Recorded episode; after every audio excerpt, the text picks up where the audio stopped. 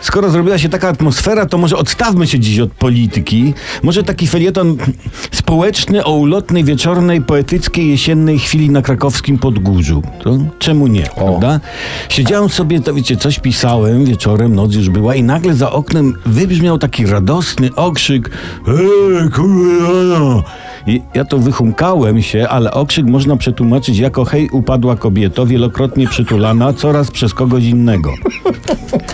I głos był taki, głos był głęboki, kibicowski, radosny. W ten może nieco ironiczny sposób autor okrzyku wyraził siebie i swój stosunek do innej osoby. Ale czy rzeczywiście była jakaś adresatka tego okrzyku? Czy tak okrzyknął sobie mężczyzna niejako do świata i życia? No, niejako do świata i życia, bo nie było konsekwentnej kontynuacji, która zwykle następuje w takiej sytuacji. Wiersz. A może do świata i życia, mając kogoś konkretnego na myśli? Tego nie wiemy i nie musimy wiedzieć. Liczy się ta uchwycona, ulotna, urokliwa liryczność chwili. Chwili, czyli momentu w czasie. No taka definicja.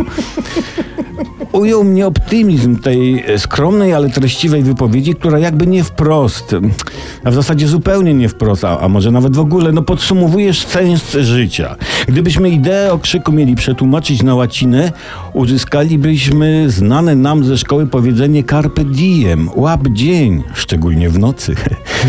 Czy jak to zgrabnie ujął angielski poeta Herrick, zbierajcie róże, póki są dojrzałe. O owocach mógłby poeta to samo powiedzieć, nie albo o ziemniakach. Chociaż róże są ok, bardziej poetyckie. W każdym razie, słuchajcie, jest, jest na świecie fan, jest flow, jest feeling. Krakowskie Podgórze żyje i walczy. Ech, ulotna krakowska wieczności.